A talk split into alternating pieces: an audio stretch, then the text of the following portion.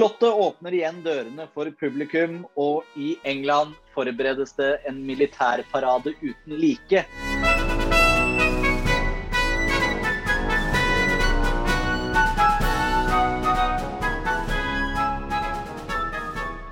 Og vi skal 500 år tilbake i tid og se på fyrstedømmet Liechtenstein. Velkommen, Jørgen Kaupang Martinsen. Og velkommen, Ole Jørgen Skjulsrød Hansen, til nok en uke og nok en episode med Undersåttene. Går det bra? Ja, det går og går, og jeg kommer aldri til døra. Åh, Så jeg er egentlig ganske fornøyd. Fått levert masteroppgave. Alt er fryd og gammen. Steike, det er ikke dumt, bare det.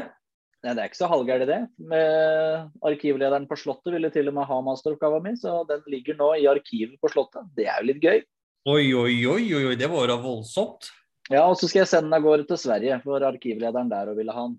Så da skal Harald og Carl Gustav sitte og gjøre et diktanalyse av dette her, og så skal de samles over et lite konselj og så diskutere? Ja, jeg tror kanskje jeg hadde fått bedre karakter hadde det vært de to som var sensorene mine. ja, det kan godt Men, hende. men eh, vi skal ikke ta sorgene på forskudd. Jeg har ikke fått karakter ennå. Nei, du har jo ikke det. Men arkivet er stengt, men slottet er åpent, for å si det på den måten. Helt riktig. Eh, For første gang siden 2019 så åpner Slottet dørene igjen for publikum. Det er jo stas. Eh, Det har jo vært stengt nå pga. denne pandemien vi har vært igjennom. Eh, Og de har jo ikke ligget på latsiden, de har jo pussa opp i eh, hytt og gevær. Ja, men Så- mest i hvite salong. Ja, Den hvite salong er det som er, eh, som er mest pusset opp. Så vi får vel ta oss en tur vi da, Jørgen. Det blir spennende å se.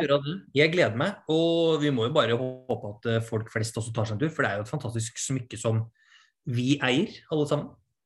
Absolutt. Det er bare å ta turen. Og så har jo eh, kronprinsen vært værfast på Grønland. Ja, tenke seg til. Være kronprins, og så er det været som stopper deg. Det er fint. Det er fint. Ja, for han har vært på en sånn forskningstur, er det ikke det? Var ikke det der 50-årsgave eller noe i den duren? Jo, det var noe i den duren. Så, eller nei, det var ikke 50-årsgave. Det er vel eh, det er 100- eller 150-årsjubileet til den Polarforbundet, eller et eller annet sånt.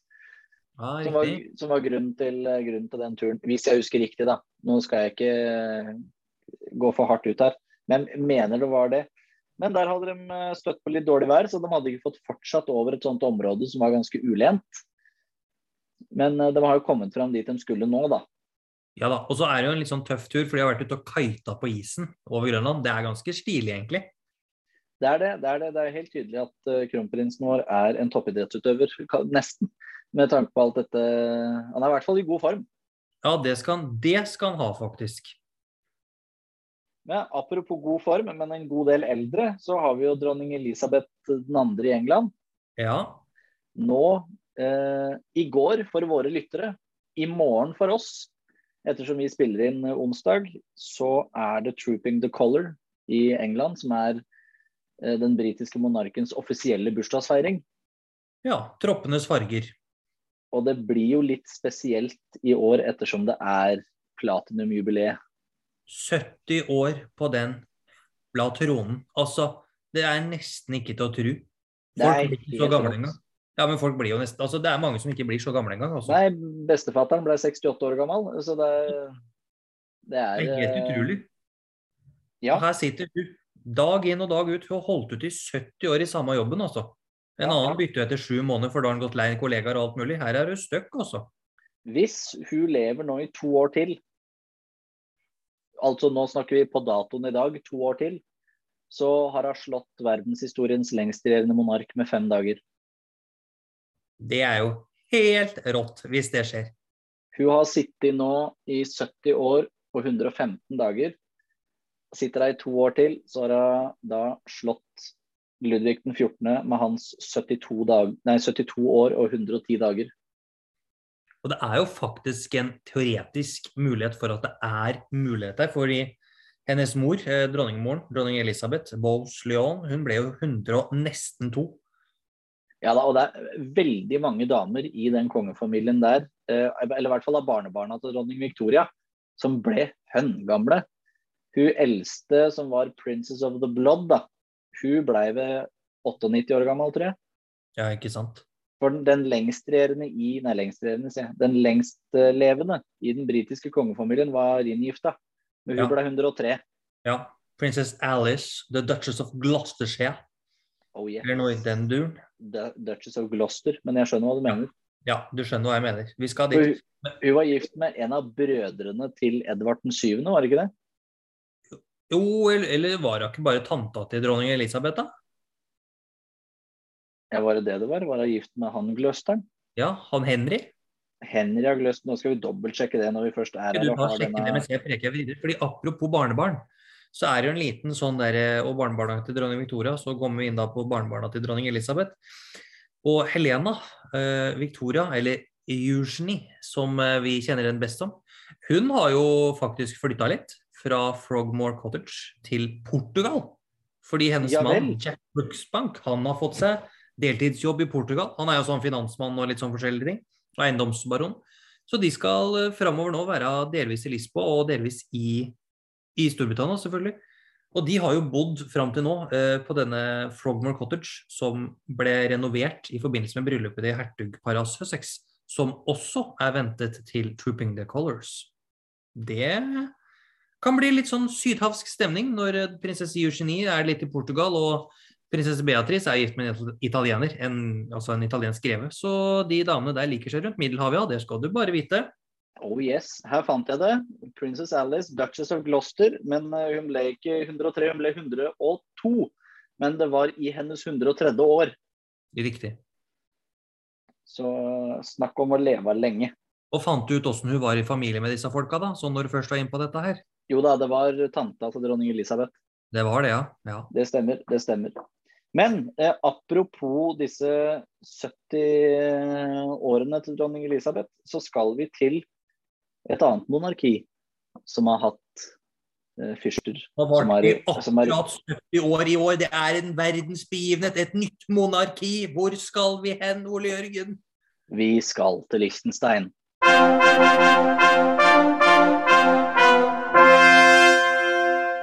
Vi begynner ved begynnelsen, gjør vi ikke det, Jørgen? Jo da, og de har vart mer enn i 70 år. Jeg prøvde bare å lage en liten sånn artig vri, for det er veldig få monarkier som ikke nå er eldre enn 70 år igjen i verden.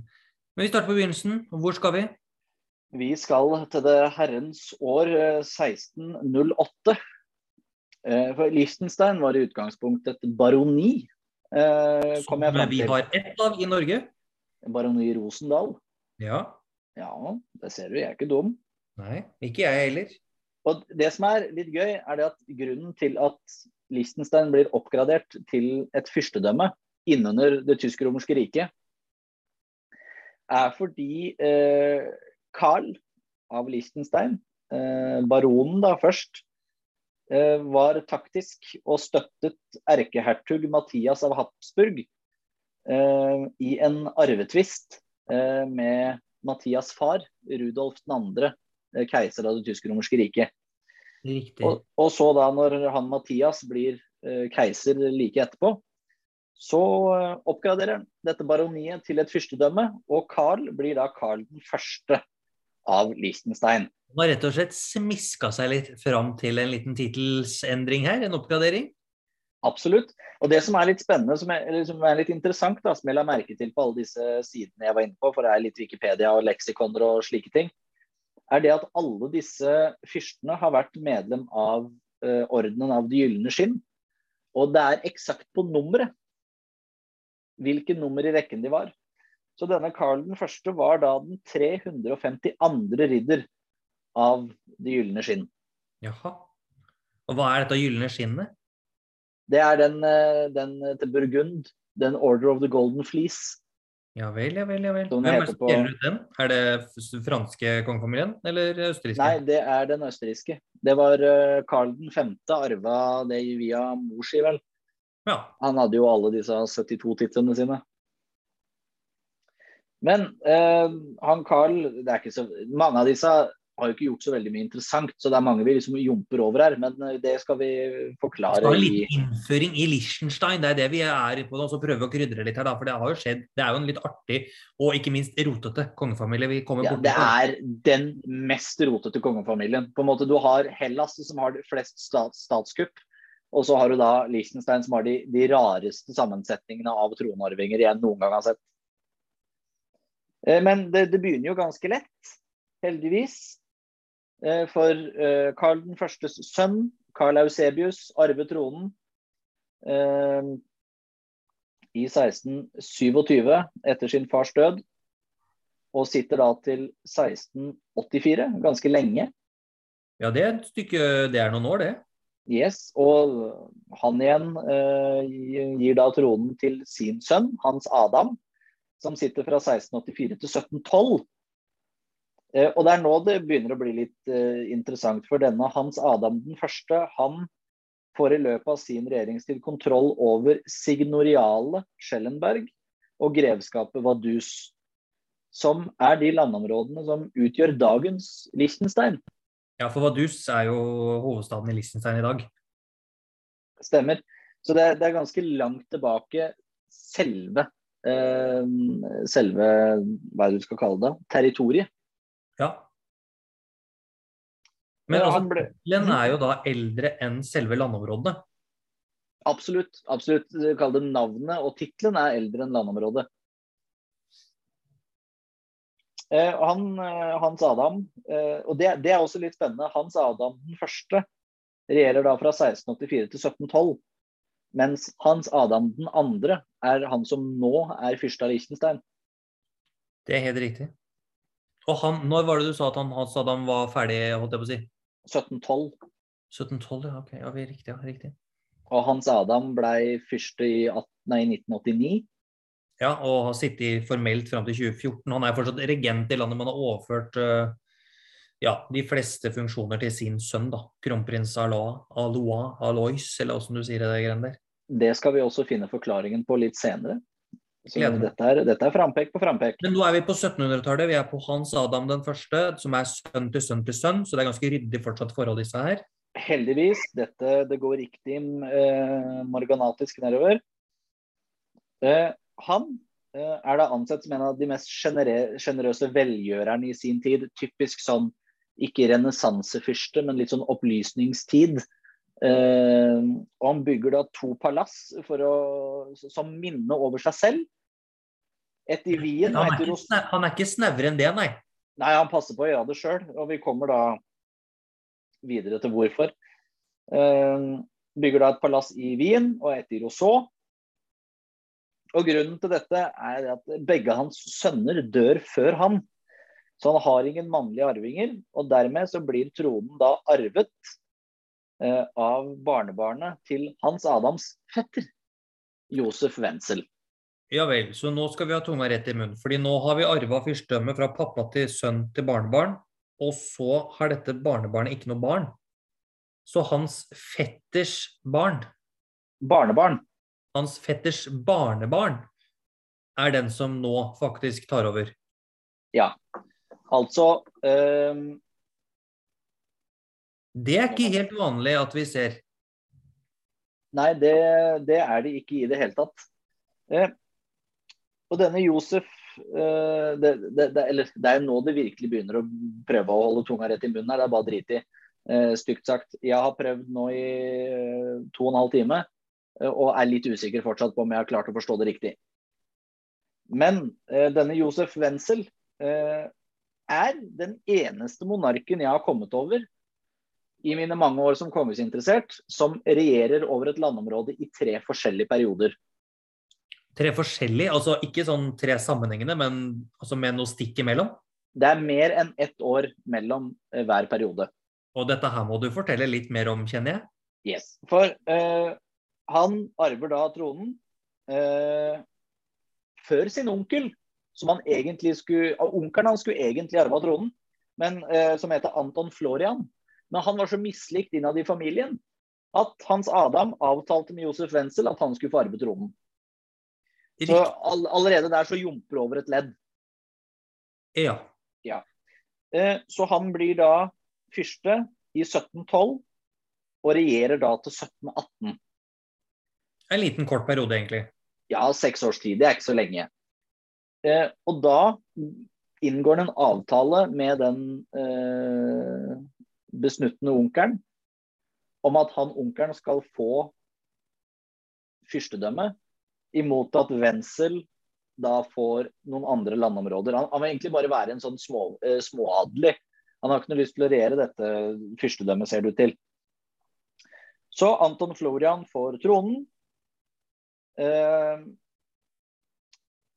han, eh, Florian, regjerer da fram til 1721, så bare tre år. Hvor da sønnen hans, altså til Anton, arver tronen. Josef Johan. Eh, og han regjerer fram til 1732.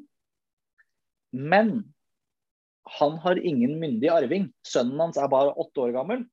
Så da kommer denne Josef Wenzel tilbake inn som regent. Ja, dette barnebarns-fetters-opplegget. opplegget. Yes. Og sitter da fra eh, 1732 til 1745, altså som regent. Ja. Eh, og da er det denne denne Johan, da, som denne åtte år gamle sønnen eh, heter, han har da blitt 21. Men han blir bare 24 år gammel og dør i 1748. Hvem er det du tror arver tronen da som nærmeste mannlige etterkommer? Nei, Det blir vel eh, barnebarns fetter, det da? Eller fetters barnebarn? Yes, det er det. Det er Josef Wenzel kommer tilbake igjen eh, som eh, fyrste. Og sitter da fra 1748 og fram til sin død i 1772. Altså, da blir han faktisk sittende ganske lenge i siste perioden her. Yes, Men han har jo da hatt Kall det kontroll over dette fyrstedømmet fra 1712 til 1772. Ja, Og det er heller ikke gærent. Det er, det er 60 års regjeringstid. Eh, hvis han hadde sittet i hele perioden da, eh, og, og blitt der, så hadde han hatt en like lang regjeringstid som Kristian 4. av Danmark-Norge. Men det som eh, også er spennende nå, da, er det at Josef Wenzel dør også uten sønner. Ja, selvfølgelig gjør han det. Så, så nå kommer da Frans Josef den første. Han er heller ingen uh, Og hvem er denne. Frans Josef? Hvordan, han- hvordan havner han inn her? Har vi nøsta opp i det? Nei, altså han, han er da sønnen til Josef Wenzels bror. Ja, Så det er en nevø, bare? Ja, han er bare, han er bare en nevø. Ja, Bare en nevø. Men eh, Frans Josef er ikke så interessant, så han jumper vi pent over. Men han får da to sønner på tronen, fordi at Aloy den første dør barnløs. Igjen, ja. Gifter seg ikke. Eh, Johan den første arver da tronen. Han, inn, han gikk inn i hæren som 22-åring og utmerka seg først i den østerriksk-tyrkiske krigen, som varte fra 1788 til 1791. Deretter så utmerker han seg som effektiv kavalerioffiser under de franske revolusjonskrigene og napoleonskrigene.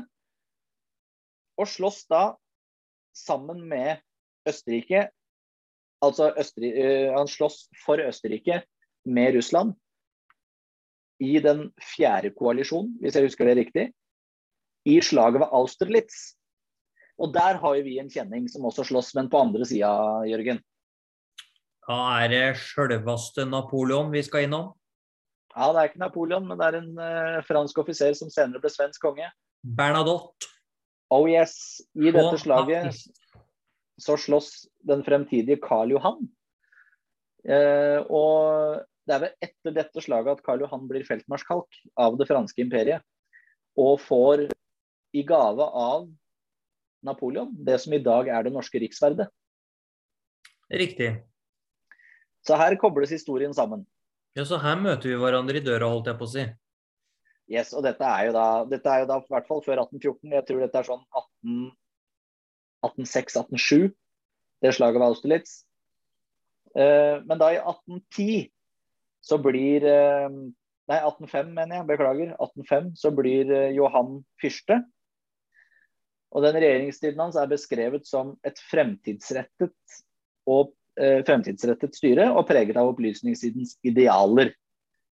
Oh. Men han kan jo da opp, beskrives som en eh, opplyst despot, for regjeringsformen hans var eneveldig. Ja, riktig. Han gikk for den. Han gikk for den, den gode gamle.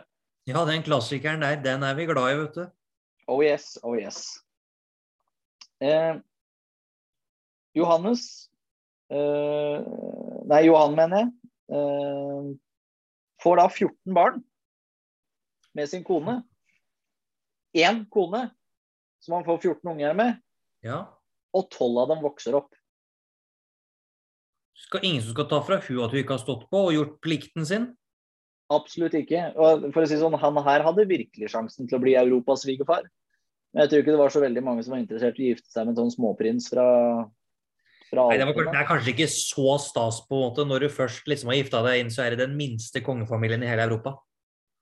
Det er nettopp det. det er nettopp det. Men det er jo den i, som vi skal se i rekken lengstsittende sånn blodsmessig.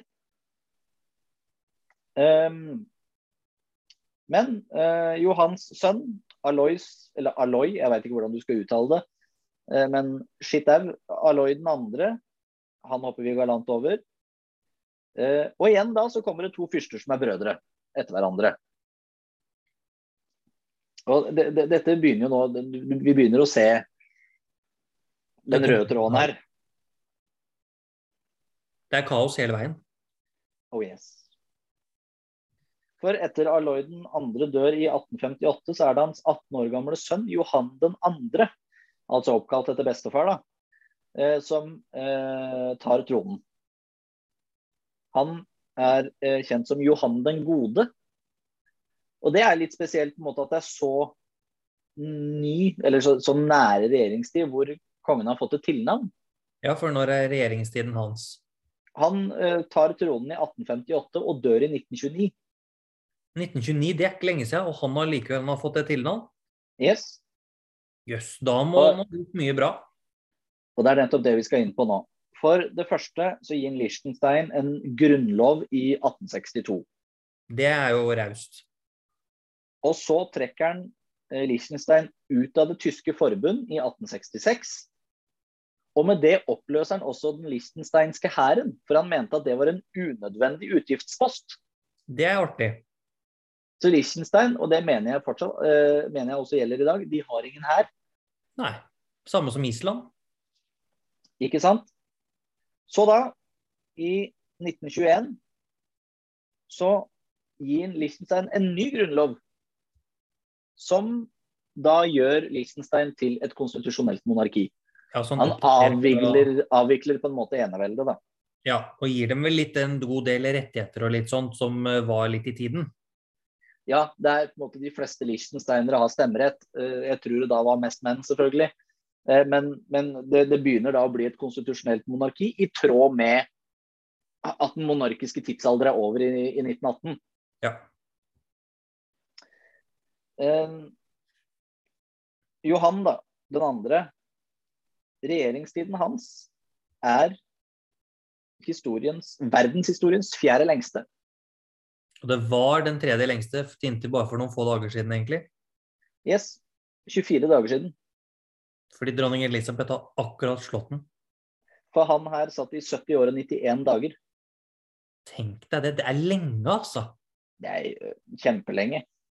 Så kan du tenke deg hvor lenge Si han hadde blitt like gammel som Elisabeth, dronning Elisabeth, så hadde han sittet i 78 år. Ja. Han ble konge da han ble, ble 18, og døde da han var 88. Men eh, etter Johan, da, i 1929, så er det Frans den første som arvet tronen. Han hadde heller ingen sønner. Så Og det det er er tronar... Nei, så tronarvingen ble en nevø. Nevøen hans ønsket ikke tronen, Nei, og ga da arveretten videre til sin sønn, den nåværende fyrstens far. Riktig. Eh, og det, det som er litt interessant eh, her da, med Frans den første, er at det har tradisjonen for å gi hva er det du skal kalle regjeringsremmene eh, videre før døden. Altså, du kan på mange måter si at de, de, de sånn delvis pensjonerer seg i Liechtenstein, disse fyrstene. De har jo suveren makt og stor politisk innflytelse, og den overfører de til neste generasjon ganske lenge før de dør, sånn egentlig. Men så sitter man likevel sjøl som regent, sånn formelt. Det er en ganske lur ting å gjøre i disse, eller i monarkier generelt. da, Å vise, vise den kontinuitetstanken tidlig, før kongen er borte. For eh, gammel, av gammelt av da, så er eh, tronskiftet den eh, skumleste tiden for monarkiet. For det er da det er lettest å kaste det. Og i hvert fall hvis da en tronarving ikke er spesielt likt. Ja, Så du må på en måte sikre at, at det ruller og går den dagen du tar kvelden, egentlig? Absolutt. Også, men her, grunnen til at dette blir gitt tidligere, da, er for at i eh, 1932 så, er, eh, så utfører Nazi-Tyskland Anschluss av Østerrike. Denne at de bare innlemmer eh, Glem det! Det var i 1938, var det. Min andre verdenskrig-historie er ikke helt på topp. Men eh, iallfall fra eh, I 1938 så annekterer Nazi-Tyskland Østerrike. Og da blir eh, denne Frans den første eh, nervøs for at Nazi-Tyskland også skal invadere Liechtenstein. Og han har ikke lyst til å være, kall det, eh, regjerende fyrste eh, hvis dette skulle skje. Og derfor så gir han da regjeringsremmene over til sin nevøs sønn. Sin, sin grandnevø. Eh, og dør da i, i 1939 i, eh, i Tsjekkoslovakia. Så han flytta jo ikke akkurat så veldig lurt sånn sett. Nei, hun gjorde jo ikke det, for dem røyk jo først. Yes, men jeg tror det var eh, Ja, det, det, var vel, det var vel den Han døde vel før selve selve invasjonen av Tsjekkoslovakia, men etter Sudetenland-krisen. Ja. Og så er det jo også da jo til Tsjekkoslovakia, for at det der har jo den lichtensteinske kongefamilien litt eiendom. Ja, og det blir jo det, det, dette var vel til de eiendommene som da hadde blitt annektert eller tatt av Tsjekkoslovakia etter første verdenskrig. Ja. Så det er, det, det, det er mye rart her. Og da kommer vi jo til den mer moderne historien, da. For denne eh, fyrsten etter, eh, etter Frans den første, det er vel Frans den andre, er det ikke det? Altså det er du har best snakk på akkurat dette her, altså. Nei, Frans Josef den andre. Glemte Josefen.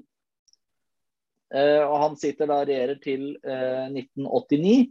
Og da er det den nåværende fyrsten som arver tronen. Hans Adam den andre. Ja. Eh, han har jo da en eh, sønn, Alois. Alois. Alois Alois, kommer litt an på. Jeg tenker bare på Alo Alo, den der franske serien, når vi snakker Ja, om ja, den. ja. I will say this liksom- only once.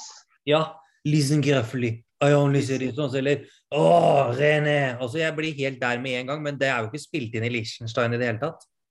Nei, men jeg skjønner jo hva du mener, da. Jeg kan Hallo, tenke hallo. det. Liksom. Det kan hende han Hallo. Altså det, hvis, noen har, hvis noen vet hvordan A-L-O-I-S uttales, rop ut. For det trenger vi å vite. Det hadde vært veldig fint. Vært veldig Og fint. hans sønn igjen heter Josef Wenzel, er jeg ganske sikker på. Så de er ganske flinke på å gjenbruke de navnene til at det bare har vært eh, til at det er dobbeltnavn og korte navn og alt her. De bruker de samme samme. det- Er jo så sære navn, spør du meg. Litt sært, det skal jeg være enig med deg i.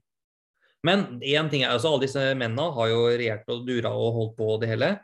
Men denne familien her, eh, de er knytta sammen gjennom kvinnene. Helt riktig. Her er det bare damer holdt jeg på å si, som knytter eh, folket sammen, på en måte. Fordi i mange andre europeiske kongehus så er det liksom monarken, på en måte den linja til monarken, da, som gifter seg med sine egne fettere og kusiner og sørger for at dette holder seg på samme plassen. Men her så har man jo bare Her er de samme, også her er den samme familien av kvinner gifta seg inn i nest, altså nesten annethvert ledd en god periode her. Og til og med dagens monark, altså Hans Adam, var jo gift med en uh, grevinne av dette Kinski-familien. som Ja, Ki- ganske mange ganger inn i den liechtensteinske fyrstefamilien. Ja, det er Kinski. Også i starten så har du Dietrichstein, som er sånn eh, liksom Gifter seg med søskenbarn på søskenbarn på søskenbarn, tror jeg. Ikke at jeg har gått så veldig inn i det, for det fikk jeg ikke tid til. Eh, Men likevel. eh, Så eh, det, det, det er mye damer fra samme slekt her. Ja, og da da er det jo altså De er jo i familie med hverandre. Så enkelt er det jo fordi de gifter seg med den familien på en måte som har gifta seg inn hele tiden. Så Hans Adam og grevinne Marie, da, som vi har snakka om før, for hun døde jo i fjor, eh, de var jo hverandre Han var hennes fars tremenning. Ja, ikke sant. Så det er litt sånn hipp og happ og sånne ting. Så det er ikke sånn kjempenerve. De er, de er ikke fetter og kusine hver gang her. Men det er liksom den utvidede Kinski-familien. Dem har uh, sniket seg inn i de liechtensteinske palassene gang på gang på gang. Det er noe Habsburgs over det hele. Ja, og det er litt fint, det også, tenker jeg. Fordi de har jo hørt til dette habsburgske, som du snakka om tidligere. De har liksom tatt med seg tradisjonen fra gammelt av og dratt den helt inn i denne konservative lille fyrstestaten. Ja, så gifter de seg fortsatt kongelig. Eh, han, Alois er jo gift med grevinne Sofie av Bavaria. Ja. Eller i, i Bayern. For det, her og nå begynner det å surre, eh, selv der jeg begynner å surre, holdt jeg på å si. For du har noe som heter av Bayern og i Bayern. Eh, jeg har ikke klart å finne hva som er forskjellen, men det er en forskjell. Det er sikkert, eh, altså sånn Kort fortalt så handler det vel om hvem som har sittet tett på tronen, og hvem som havna litt lenger ut i rekka etter hvert. Ja, eller hvem som regjerte, hvilken familie som regjerte først, og hvilken som regjerte etterpå. Det er um, my mye rart. Mye rart. Han har absolutt gifta seg flott og kongelig, han som er kronprins, på en måte. Eller kron fyrstekronprins, eller hva man skal kalle det. Arvefyrste. Det er det det heter, det er helt riktig. og de har jo det, er jo det er jo et land som er konservativt, og de er jo styrtrike fordi de driver jo bank, blant annet. Og de har jo vært blanda inn i dette Panama Papers og Cayman Islands eh, hei hvor det går. Så det, det er mye penger i omløp her. Og så har de jo da en veldig tett forbindelse til det konservative katolske miljøet. For det er jo katolikker i lille Liechtenstein stort sett. Og konservative katolikker. Dette er sånn Opus Dei-katolikker. De tror skikkelig på det, og det er litt spennende. Men sånn blir det jo på en måte når fyrsten er eh, sin gudfar er paven. Det er akkurat det pave Pius 12. Det er noen forpliktelser som følger med at det er gudfaren din, tenker jeg da. Som du har valgt å følge opp. Altså, dette, er, dette er den rikeste kongefamilien i Europa. Altså, det, det, er den minste, men den rikeste kongefamilien i Europa. Det er litt en, som eh, Medici i Italia for veldig mange år siden. På en måte. På en måte. Det, det, dette, er, ja, dette er vår tids Medicier som, eh, som sitter og teller penger. Han har vel da en, en formue på 6,2 milliarder dollar. Så rundt regna 60 milliarder kroner, da. Kjekt å ha kjekt å ha. De penga er til bekymring både for fattig og for rik. Der fikk du sagt det. Der fikk du lura inn en liten tekststrofe, om ikke annet. Men uh, har vi, er det nå føler jeg liksom vi har vært gjennom de mest interessante tingene ved Liechtenstein. Har du noe å legge til? Ja, altså Vi kan jo oppsummere litt da, for folk her, sånn før du får ordet her. På, helt, til slutt, helt til slutt så må vi jo nevne den uh, folkeavstemningen i 2003. Det er eh, flere folkeavstemninger man kan snakke om her. Ja, den, den, den, største var vel den i 2003, tror jeg. Det er i hvert fall den som har gått gjennom oftest. Uh, gått igjen oftest på disse sidene. Er Det var da de skulle stemme over om fyrsten skulle få beholde sine ganske ja, store utøvende krefter, holdt jeg på å si. At, altså at han skulle få beholde sin utøvende makt, som faktisk er utøvende, til tross for at det er konstitusjonelt. Og, og utvide de. Og utvide de, ja. ja. Eh, samtidig som det også ble stemt over noe abortgreier. Eh, ja, det var litt. Det er litt spennende med, med Liechtenstein, for de er sterke abortmotstandere. Ja, både kongefamilien og folket. Ja, altså denne 2003 som vi snakker om her, da, da var jo Hans Adam som var ute og sa at eh, hvis ikke dere mm, dunker gjennom at jeg får mer makt, eller mer utøvende rolle her, på en måte, så, så går jeg, pakker jeg snippesken og drar. Det ville ikke folket, for de er ganske glad i fyrstefamilien sin. Så de banka gjennom at han fikk mer makt. Eh, og senere, på 2000-tallet, så har man jo hatt en abortdiskusjon da i Liechtenstein om dette her med at uh, skal det være lov, skal det ikke være lov.